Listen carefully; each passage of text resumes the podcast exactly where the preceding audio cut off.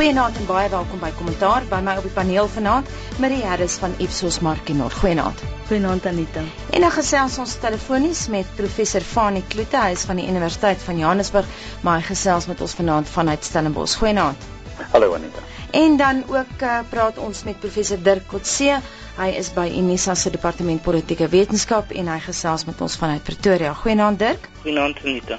Dirk, ons het nie 'n joernalis op die paneel nie, maar ons het natuurlik vooraf 'n bietjie gesels oor die stories van die week. Gee dit vir ons. Wel ek dink die die groot nuus op die oomblik is COP17 wat uh, gister tot 'n einde gekom het. Dan in die loop van die week was daar die aankondiging deur die kabinet dat hulle beheer gaan oorneem oor dienslewering of sekere departemente in drie van die provinsies in Gauteng, die Vrystaat en Limpopo. Dan was daar 15 tussenverkiesings op plaaslike vlak gewees dwars oor die land maar veral in in Mpumalanga. Dan eh, die vrystelling van die Dunning verslag het redelik baie aandag getrek. In Europa het ons gesien dat daar 'n die krisis aangespreek is veral deur Duitsland en Frankryk um, en dat daar tot 'n mate tot 'n ooreenkoms gekom is. Dan is die wetsontwerp op die beskerming van staatsinligting is nou verwys na die Nasionale Raad van Provinsies en hulle het daar 'n komitee saamgestel wat nou daarna sal kyk en wat um, verdere insette sal ontvang. En dan is daar op skoolvlak is daar 'n besluit geneem oor die die verhouding tussen skole en hulle bestuursliggame teenoor die provinsiale owerhede. So dit is iets wat in 'n mate ook die verhouding tussen plaaslik en provinsiaal en waarskynlik selfs nasionaal in ons uh, staatsbedeling kan beïnvloed. Nou ja, provinsies op die rand van 'n ineenstorting, dis die storie waarmee ons begin vanaand. Die regering gaan ingryp in die Vrystaat, Gauteng en Limpopo. Baie kommentaar hierdie week daaroor. Kom ons begin by jou Fanie, jy's 'n regeringskundige, plaaslike regeringskundige. Kommentaar van jou kant af. Anita, dit is iets wat ons waarskynlik te wagte moes gewees het, uh gegee die die uh terugsak in regeringsvermoë oor die afgelope aantal jare. Ons het 'n dilemma in die sin dat uh die finansiële beheer uh sowel in munisipaliteite as op provinsiale vlakke is nie op dieselfde vlak as uh, op die sentrale regeringsvlak nie en die sentrale departemente nie. En die uh, huidige krisis wat uh, genoop het dat die sentrale regering ingryp en hierdie 3 is eintlik vier provinsies as mens die Oos-Kaapse onderwysdepartement ook daarbey reken is is iets wat wat eintlik lank aan in die kom was al. Dit gaan nie so seer lyk like dit vir my om om die feit dat daar nie mense is om die werk te doen nie. Dit gaan uh, lyk like dit vir my meer daaroor dat die die bestuurskaders in daardie verskillende departemente nie regtig die toewyding toon om die finansiële beheersmaatreëls wat wel bestaan op hierdie stadium ordentlik toe te pas nie. Daar is staatsdepartemente vir op nasionale vlak en ons dink onmiddellik aan tesourie wat uitstekend bestuur word alreeds onder uh, meneer Pravin Gordhan se voorganger Dever Manuel was die nasionale tesourie bekend daarvoor dat dit 'n 'n departement is wat absoluut effektief en doeltreffend is uh, en uh, Gordhan het, het daardie tradisie van Manuel voortgesit. Daar's ook ander departemente wat goed bestuur word in teenstelling daarmee met nog ander wat uh, gedurig in die moeilikheid is met administratiewe wanbestuur, met finansiële wanbestuur en die vraag ontstaan hoekom sekere departemente dan nou nie hierdie sogenaamde kapasiteitsprobleme het nie terwyl ander departemente dit het. En die enigste gevolgtrekking wat mens kan maak daaruit is dat dit gaan oor die gehalte en die vlak van bestuur in daardie departemente. So wat ons nou sien hier is dat die bestuur in in in sekere departemente en provinsies tot so vlak gedaal het dat die nasionale regering nie anders kon as om in te gryp nie. Ons het gehoor um, en gelees in die koerante dat daar is 700 miljoen rand wat Limpopo benodig het net om die salarisse te betaal van die amptenare in in in, in daardie provinsie tot die einde van die jaar en uh, totdat die nuwe finansiële jaar inskop vroeg volgende jaar. En die sentrale regering kon dit net nie verhoog nie doen nie want dit is totaal buite die begroting. Nou soos wat ons weet in ons eie finansiële transaksies wat ons uh, in ons persoonlike lewens doen. As jy nie jou uitgawes beperk tot die maksimum inkomste wat jy kry nie, dan gaan jy probleme optel finansiëel. Dis maar al wat hier gebeur het. Dit is slegte finansiële bestuur en alhoewel daar spekulasie is dat daar politieke oorwegings hier agter is, mens kan dit nie uitsluit natuurlik nie, maar ek dink die die uh, meer direkte oorweging vir hierdie ingryping was die finansiële krisis waarin hierdie departement hulle self laat beland het. En uh, dan is daar ook gesê dat natuurlik die verhouding tussen president Zuma en premier Kassa Matale is baie baie stroef en uh, dan skryf Mailing Guardian ook as jy kyk na die Vrystaat en Gauteng, dit lyk of in die bailout waar met Limpopo is dit meer 'n geval van hostile takeover. Heeltemal reg. Uh, ek dink in hierdie geval is dit uh in 'n sekere sin in 'n toeval dat daar 'n oogstremmende verhoudinge bestaan tussen uh, president Zuma en die premier van Limpopo want uh, in die geval van Ys Magashula is Ys Magashula in die Vrystaat 'n uh, redelike bekwame premier wat wat andersins nie vreeslike probleme het nie maar dit is duidelik dat op die mikrovlak daar wel probleme in in sy administrasie is. Ek is nie oortuig daarvan dat die politieke oorwegings regtig die primêre oorweging was vir hierdie ingryping nie. Ek dink dit is 'n baie handige instrument om finansiëel die werklike de facto bestuur van die provinsie uh, letterlik uit meneer uh, Matale se hande te neem, maar uh, dit was nodig om dit te doen omdat die finansiële bestuur in daardie provinsie totaal ineengestort het. Wat vir my net 'n bietjie eienaardig is, is dat dieselfde nie gedoen is uh, ten opsigte van Noordwes provinsie byvoorbeeld nie, uh, waar daar ook baie groot probleme is. Uh, my eie verklaring daarvoor is dat uh, die tesorie en die ander staatsdepartemente wat betrokke is hier het ook self nie die vermoë om natuurlik nou gelyktydig in alle provinsies in te gryp nie. Dis miskien hier waar die politiek ook te sprake kan kom. Miskien is Noordwes provinsie nie so 'n onmiddellike direkte korttermyn politieke en finansiële gevaar vir meneer Zuma en vir die uh, voortgesette goeie bestuur van die land as wat Limpopo is nie. So uh, ons het hier 'n samevoeging van verskillende faktore en ek dink dit sou baie moeilik wees om regtig bewyse te kry dat die uh, politieke probleme tussen Zuma en Matale regtig die oorheersende faktor was in hierdie verband. Marie, ons het Vrydag ons uh, nuwe resultate gekry van die mees onlangse opname wat ons gedoen het van uh, November die laaste onderhoude is om die waarheid te sê begin van verlede week gedoen. Ek het seker Vrydag nogal na hierdie resultate gekyk en of dit sin maak in terme van die stories waaroor ons vandag gaan praat en een van die belangrike dinge wat ons vra is dat ons vir die inwoners vra om hulle premiers en hulle provinsiale regerings te beoordeel. Mm. Natuurlik het hulle ook opinies oor ander dinge waaroor ons kan praat. Maar ehm um, die hele kwessie oor die oor die provinsiale regerings en die premiers kom baie naby aan die menings wat uitgespreek is in die koerante. Daar's 4 provinsies wat nie 'n slaagsyfer kry nie en die premier en die provinsie kry nie 'n slaagsyfer nie. En dis die Noord-Kaap, Oos-Kaap, Noordwes en Mpumalanga wat wel die die syfers wissel van die Noord-Kaapse premier van 28% ehm um, van mense wat sê dat dat sy wel haar werk gedoen tot die 45% vir die provinsiale owerheid in in Noordwes. Dan is daar vier provinsies wat net net net die 50% haal. En dit is Limpopo daar is regtig baie probleme daar. KwaZulu-Natal beide die premier en die provinsiale owerheid. Gauteng presies dieselfde. En die Weskaap presies dieselfde. Wat vir baie mense dalk 'n verrassing kan wees mm. maar onthou ons kyk na die mense op die in die hele provinsie. En dan die enigste provinsie waar daar 'n goeie skoor is vir beide die premier en die provinsiale owerheid is die Vrystaat.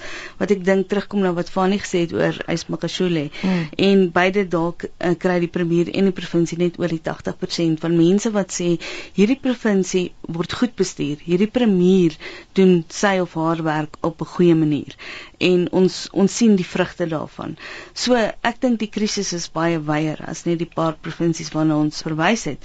Maar nogtans ek dink nie dit is net in koerante en regeringskommunikasie wat dit gebeur nie. Die mense op die grond voel dit elke dag. Dis interessant dat Marino sê die krisis is wyer en Fani sê dat uh, miskien moes Noordwes provinsie ook ingesluit gewees het. Dirk, hoe voel jy? Ja, ek, ek stem saam met hulle. Ek dink die die situasie van provinsies in die algemeen kom 'n lank pad ons weet dat selfs in die tyd van uh, minister Sidney Mufamadi het hy reeds begin met 'n wetskrif oor die situasie van provinsies in 'n konstitusionele sin en uh, of daar voortgegaan moet word met die provinsies. Um deel van die groot probleem van plaaslike owerhede is die feit dat die provinsies nie genoeg ondersteuning aan daardie owerhede kan gee nie. So die die provinsies is in 'n baie kernposisie Hulle ontvang ook die grootste gedeelte van die nasionale begroting uiteindelik wat van nasionale vlak af afgesyfer word uh, na die provinsies en en sommige na die nasionale plaaslike vlak toe. So dit is besonder belangrik. Ek dink in die geval van Limpopo is dit miskien is daar is dit die provinsie waar daar die meeste openbare protes aangeteken is teen die bestuur. Ons weet van die optogte wat deur Kusatu in Limpopo gereël is deur die kommunistiese party en selfs die plaaslike sakemanne wat daar 'n alliansie gevorm het en in die openbare protes aanteken. En ek dink wat interessant is ook met hierdie ingryping wat nou plaasvind is dat dit raak van die departemente waarby Julius Malema direk betrokke is. Um, en ek dink as jy mens na die politieke dimensie wil kyk daarvan boonbehalwe die die diensleweringsdimensie is dat dit ook uh, waarskynlik sy invloed in Limpopo kan beperk of heeltemal uit die prentjie uithaal want dit is byvoorbeeld in die paaie is dit waar sy maatskappy die tenders uiteindelik beheer het. En as dit gestop kan word dan gaan dit ook die mag wat uh, Julius Malema het ongeag sy posisie binne die jeugliga gaan dit ook kan beperk. So ek dink uit 'n suiwer politieke hoek is dit 'n baie interessante skuif. Maar dit gaan dit lyk asof dit nie noodwendig die tipe van politieke impak het gaan maak as wat president Zuma gedagte het nie. Want op grond van die nominasies vir die komende provinsiale konferensie is Matale het hy nog steeds die meerderheid van nominasies en dit mm. sal waarskynlik aandui dat hy ook dan herkies sal word as premier. Baie belangrike punt daar en is ook 'n punt wat een van die koerante hierdie week gemaak het is ons moenie vergeet dat hy nog wel steun het in Limpopo nie. Ja, ek stem saam met wat Dirk uh, gesê het en uh, op die ou end egter uh, kom ek terug daarby dat uh, dit gaan oor dit gaan oor die skoorbord as ons nou moet teruggaan na die rugby terme toe. Dit gaan oor die skoorbord uiteindelik. Indien daar nie geld is om die dienste te lewer nie, indien daar wanbestuur is, dan kan 'n mens nie toelaat dat dit voortgaan nie en dan moet jy doodnoodig ingryp. Uh in in Gauteng, ons het nog nie oor Gauteng gepraat nie. Dit is uh, 'n uh, ongelooflike groot verleentheid vir die ANC dat Gauteng ook hierby betrek is.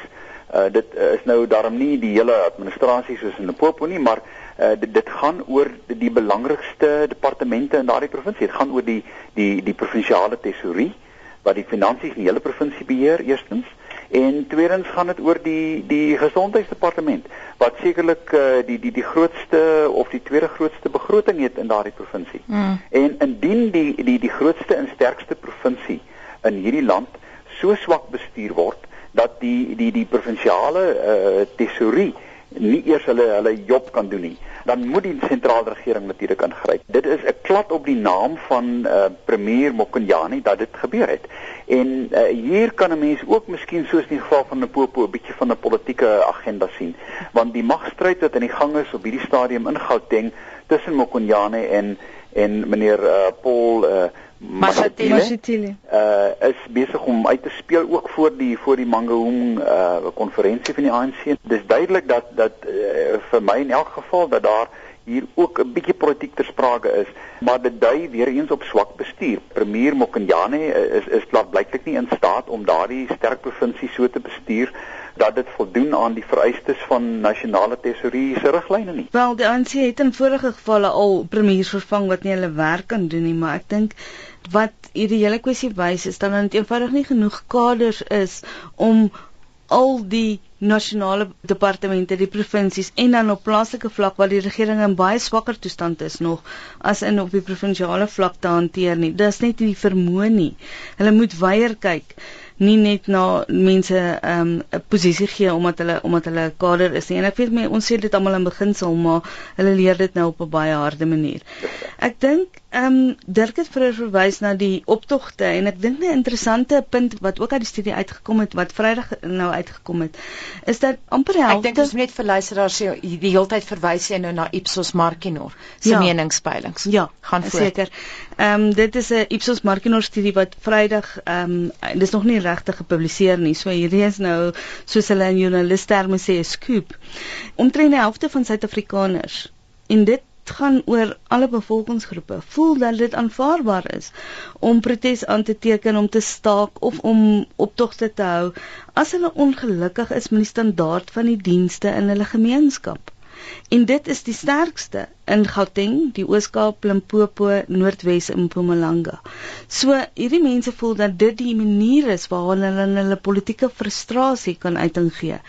En wel is die helfte van die mense in jou gemeenskap sê dis reg, ons kan 'n uh, optog hou geen wonder ons sien soveel optogte nie. Miskien kan mens hierby aansluit Dirk Mailing Guardian het hierdie week uh, oor 'n memorandum te skryf wat maandag aan die kabinet gegee is waarin hulle gewaarsku word dat hulle veiligheid op die spel kan wees omdat mense so kwaad is oor dienslewering en dat lyfwagte vermeerder gaan word vir mense in spesifieke posisies. Ja, wel ek dink almal van ons weet van die demonstrasies wat al omtrent vanaf 2002 plaasvind mm. en sommige van hulle raak meer en meer soms gewelddadig.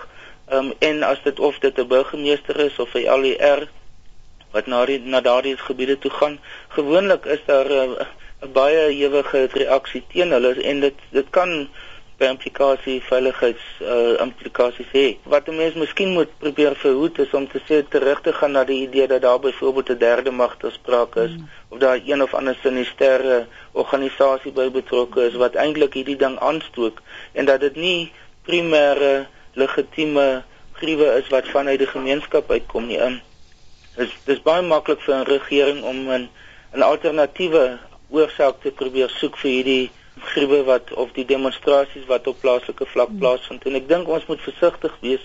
Die ANC het 'n bietjie van 'n geneigtheid om samesweringsteorieë te gebruik mm. en om dus eintlik die die blame weg te skuif van hulle eie dienslewering. So hoewel dit die tipe van terugvoering is wat die kabinet kry, dink ek moet hulle in die eerste instansie vir hulself die vraag vra: wat is die essensie van die oorsaak van hierdie probleme?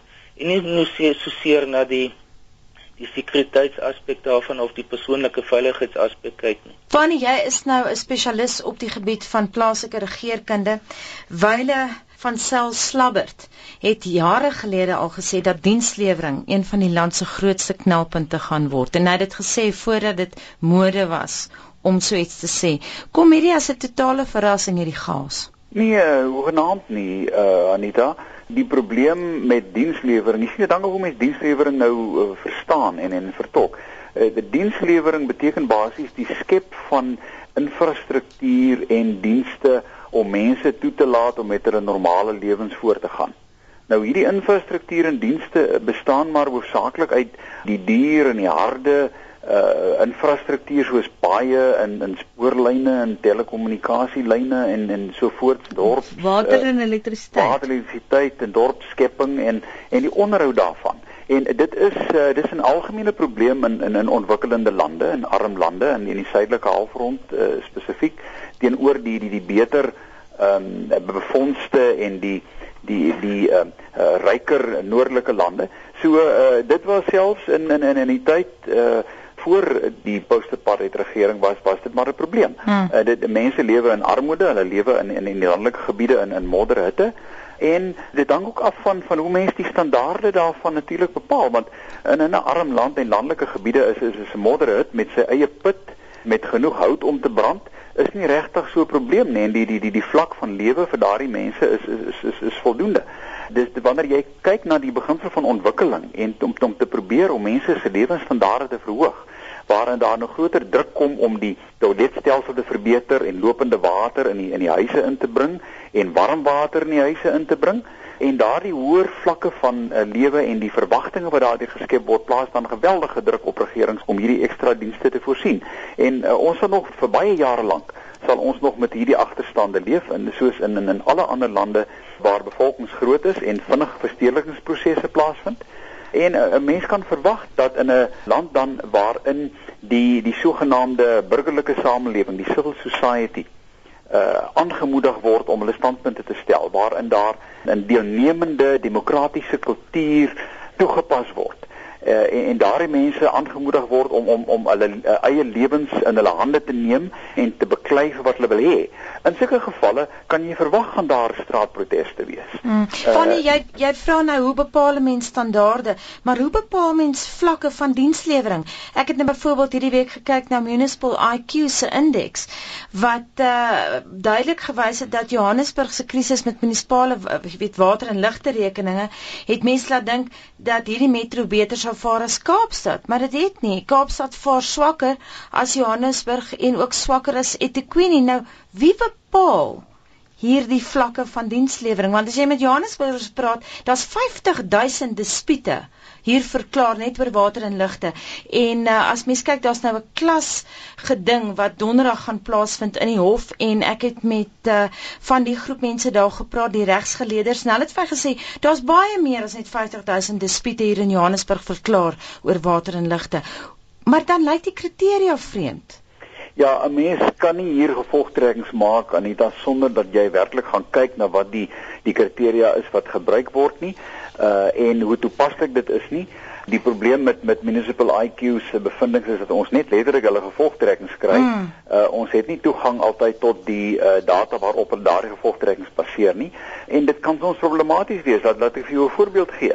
In hierdie rangskikking en uh, ordestelling uh, van goeie en slegte munisipaliteite word daar 'n geweldige sterk premie geplaas op die finansiële lewensvatbaarheid van 'n munisipaliteit en sy inkomste dus gekoppel aan sy uitgawes is 'n baie belangrike faktor om om nou finansiële stabiliteit en lewensvatbaarheid en goeie prestasie te probeer bepaal.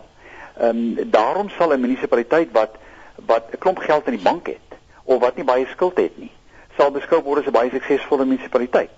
Maar die dilemma is dat so 'n munisipaliteit mag dalk met 'n groot bankrekening sit uh, en hy mag niks doen met daai geld nie. Hy trek rente, maar hy bou nie die paaie nie. Hmm. Hy hy hy hy lê nie die elektrisiteit en die water aan in die, in in in die woonbuurte nie en dan word hy beskou as as, as 'n baie goeie en 'n suksesvolle munisipaliteit. Dit is die dilemma ongelukkig in in ek dink municipal IQ se eie bevindinge waar hulle vir uh, Saldanha Bay aanwys uh, as 'n uh, baie suksesvolle munisipaliteit, trouens die beste in die land. Terwyl as jy mens gaan kyk op die grond en wat aangaan, dan is dit spesifiek die probleem. Daardie munisipaliteit het geweldige sterk finansiële stabiliteit, uh, sit 'n klomp geld, maar uh, die dienste wat op die grond gelewer word is baie min. So mens moet uh, seker wees dat dat jy uh, die uh, kriteria wat jy gebruik en, die, en en hoe jy die data vertolk baie goed uh, en en toepaslik doen en ek dink daar moet 'n bietjie meer analises gedoen word oor municipal IQ se bevindinge. Dirk, wat gaan die politieke implikasies van hierdie swak dienslewering op die langtermyn vir die ANC wees? Ja, dis natuurlik die groot vraag en dit is dit hang af van uh, hoe kiesers na dienslewering kyk. Ehm um, op hierdie stadium lyk dit asof dit nog nie werklik 'n groot impak maak op uh, veral op verkiesings nie. Ons het byvoorbeeld gesien met die afgelope verkiesing nou die plaaslike verkiesing dat ten spyte van die wydverspreide plaaslike demonstrasies wat daar was dat dit eintlik geen impak gemaak het op die die verkiesingsresultate nie. Wat ook interessant is dat 'n provinsie soos Gauteng is die provinsie waar die hoogste aantal demonstrasies in die land is, sowel dit ook die rykste provinsie is. Mm. So dit die punt wat eh, Fani nou oor gepraat het, um, is definitief relevant hier. Is dit gaan nie daar's nie 'n objektiewe standaarde van wat is die verwagtinge van dienslewering nie, maar dit is relatief van aard. Dit is relatief tot wat byvoorbeeld is die dienste in Diepsloot versus wat is dit in Sandton. En hmm. dit is die die standaard word op so 'n manier gestel. Uh, ek dink op die lang duur as daar 'n 'n ander faktore bykom en en veral die feit dat daar dat mense begin voel maar hulle het nie meer 'n tradisionele ANC ondersteuners dat hulle het nie meer direkte toegang tot die ANC nie. Dat die ANC leierskap 'n klein klik begin word wat totaal uitvoering is met hulle ondersteuningsbasis. As mense begin dink dat beleidsraamwerke soos uh swart ekonomiese bemagtiging, regverdige aanstellings, sogenaamde employment equity um, en ander nie meer werklik tot hulle voordeel is nie. En dit is wat ek dink in in die Weskaap begin gebeur het verander onder die breinstem. Mm. Dan begin hulle swaai na na 'n ander party. So dit is nie dienslewering op sigself wat die deurbraak gaan maak na die een of die ander kant nie, maar in kombinasie met ander faktore in. En dan begin en sodra as wat mense voel wel hulle het ehm um, hulle hulle het ekonomiese stabiliteit, dan begin dienslewering ook meer sin maak. So dit is eintlik vir die middelklas wat dienslewering meer prominent uh, is as 'n faktor teenoor die mense in die informele sektore of die informele nedersettings waar in die eerste instansie oorlewing van primêre belang is en hmm. dienslewering is 'n sekondêre oorweging is en dit nie so 'n belangrike impak gaan hê op hulle keuses in verkiesings nie. So dit dink ek is die faktore wat 'n rol gaan speel in die toekoms. Marie Ek dink 'n kwessie wat toenemend belangrik word is die oneerlikheid van politici. Want hulle maak beloftes met verkiesings, daai beloftes word nie nagekom nie. En ons oor behuising, oor infrastruktuur, oor ontwikkeling en ons sien dit meer en meer in elke studie wat ons doen dat uh, mense 'n toenemende gevoel van onbehaaglikheid het oor hierdie beloftes wat nie nagekom word nie. So 'n belangrike kwessie in hierdie hele diensleweringsdebat is wat sê die mense? Wat wil hmm. hulle hê? Waar begin jy? Kom ons eindig hierdie gesprek oor die ingryping net uh, vinnig na jou toe Fani, die beleggingsbank Nomura het nou uh, bepaal dat die koste vir die ingryping gaan sowat 2 miljard wees. Dink jy dis in die kom? Ek weet nie dit uh, 'n mens moet hier 'n baie baie goeie in 'n dieper ondersoek gaan doen. Uh, dit mag selfs meer as dit wees. Die uh, probleem met hierdie soort van analises is net dat dit moet in elk geval gedoen word. Of die regering nou ingegryp het self en en of hulle nou maar net dood nie vir die geld gegee het vir die uh, mense in in in Limpopo wat die goed wanbestuur het in die verlede. Dit kom maar eintlik op dieselfde neer. Die ekstra koste gaan waarskynlik wees dat 'n paar amptenare vir langer tye moet gaan bly in hotelle daar in in Polokwane en dat dit 'n bietjie ekstra reis en verblyfuitgawes gevolg gaan hê.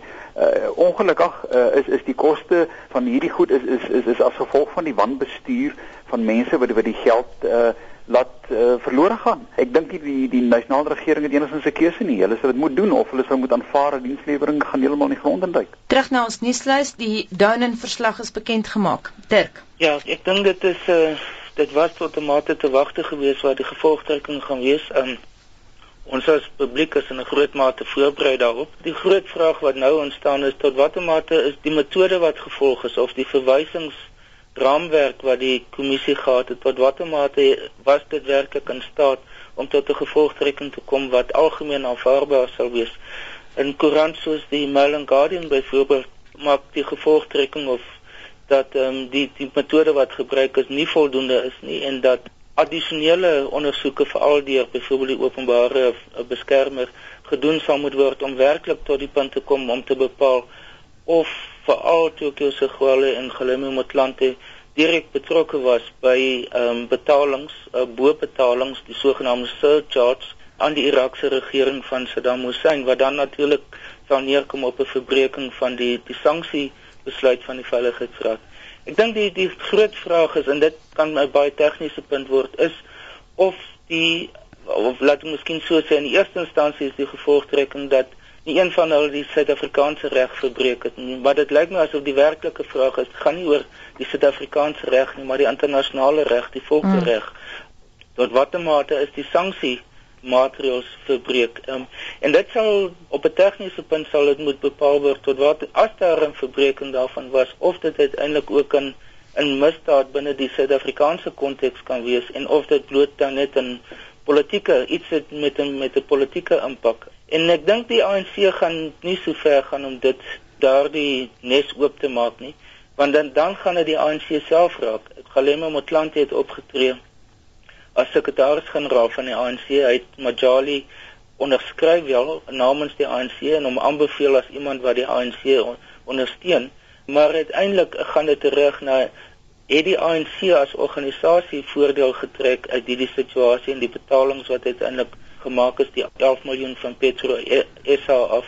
Mm. Um, en hoe raak dit die ANC en ek dink sodra dit baie naby daan kom gaan hulle wel gooi. So my vermoede is is dat dit gaan eindig by die Downing verslag. Die verslag baie uitdruklik sê niemand het enige oortreding gepleeg mm. en dat dit dan waarskynlik die einde van die saak gaan wees. Ja, maar nou wil hulle ook natuurlik weet is hoekom het die presidentsie 5 jaar geneem om die kommissie se verslag bekend te maak indien geen huidige of voormalige lede van die regering geïmpliseer word nie, Dirk?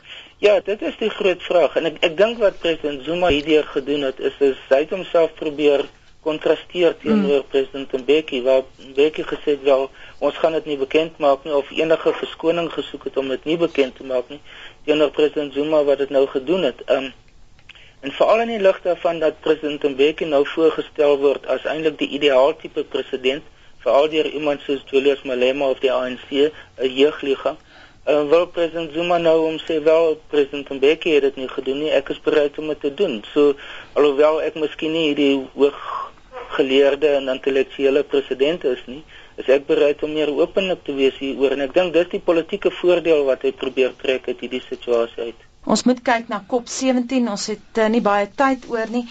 Uh die media het nou gepraat baie negatief die afgelope week oor 'n cop out.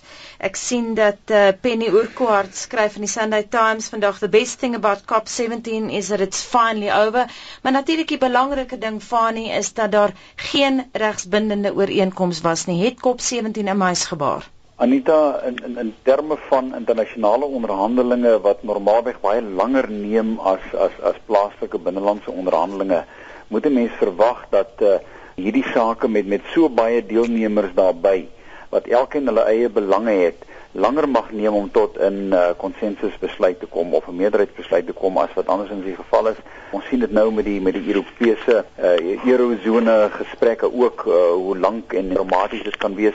Ek dink soos 'n vorige kommentator 'n dag of wat gelede gesê het dat by die volgende kop, kop 18, gaan die Durban gesprekke waarskynlik beskou kan word as die begin van die deurbraak om te kom by 'n bindende ooreenkoms. Hmm. So die, die antwoord is ja en nee, dit was nie so suksesvol as ons gehoop het nie, maar ek dink ook nie dit was heeltemal 'n mislukking nie.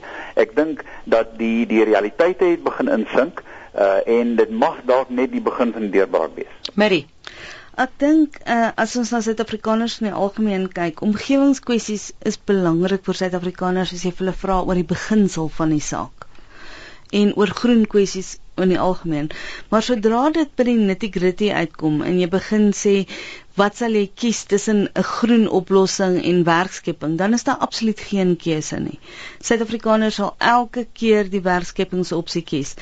En selfs as jy dan vir hulle sê maar die werkskepping wat in met hierdie projek gaan gebeur, gaan op 'n hoër vlak wees, dit moet opgeleide mense wees. Hmm. Hulle sal nog steeds die werkskepingsopsie kies.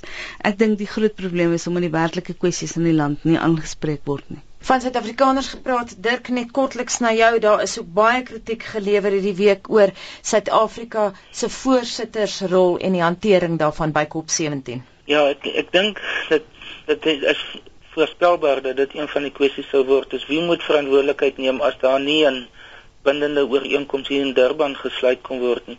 In die eerste instansie moet ons onthou wel Suid-Afrika was die gasheer en by implikasie die president van hierdie konferensie gewees, maar dis 'n VN-konferensie. Ehm um, so die Verenigde Nasies neem in die eerste instansie moet hulle verantwoordelikheid neem vir die hele onderhandelingsproses, die manier waarop dit gestruktureer was, die prosesse wat plaasgevind het.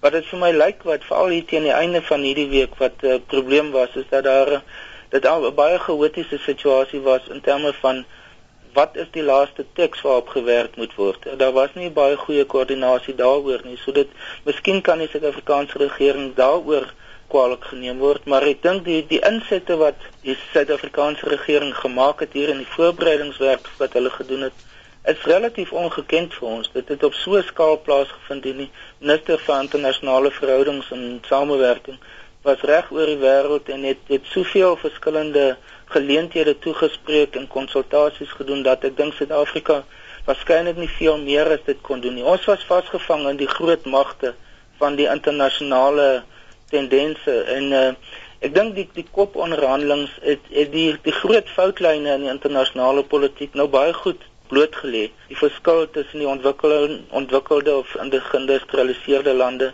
en die ontwikkelende lande, die verskil tussen om te kyk na die verlede en dit daarvoor te probeer kompenseer teenoor om na die toekoms te kyk en te probeer verhoed dat dit verder eskaleer.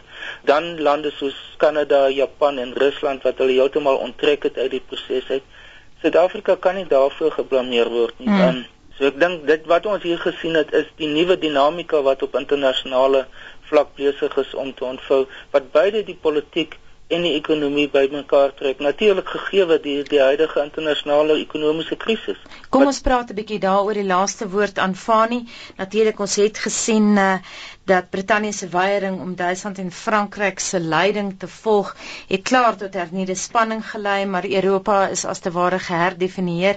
Ek het daarvan gehou die Britse nuusagentskap Reuters het geskryf, een diplomaat het gesê Britain seethes, Germany sulks and France gloats.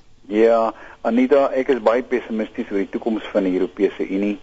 Uh ek is nie seker uh hoe standhoudend of volhoubaar daardie uh, raamwerk op hierdie stadium is nie. Uh, dit lyk uh, asof ons 'n tendens het waarin uh, soos wat lande hulle eie finansiële en politieke bemagtiging versterk, hulle natuurlik elkeen hulle eie ding wil doen, veral in die geval van Engeland wat reg van die begin af uh, nooit vreeslik entoesiasties was oor die oor die uh, eurozone nie en die klomp uh, armer lande nou in Europa wat almal wil lidmaatskap kry van die uh, eurozone as hulle dit nie reeds het nie om juis miskien deels gefinansier te word deur die sterker lande soos hulle dit sien en daardie sterker lande is maar net op hierdie stadium dan in Frankryk en Duitsland.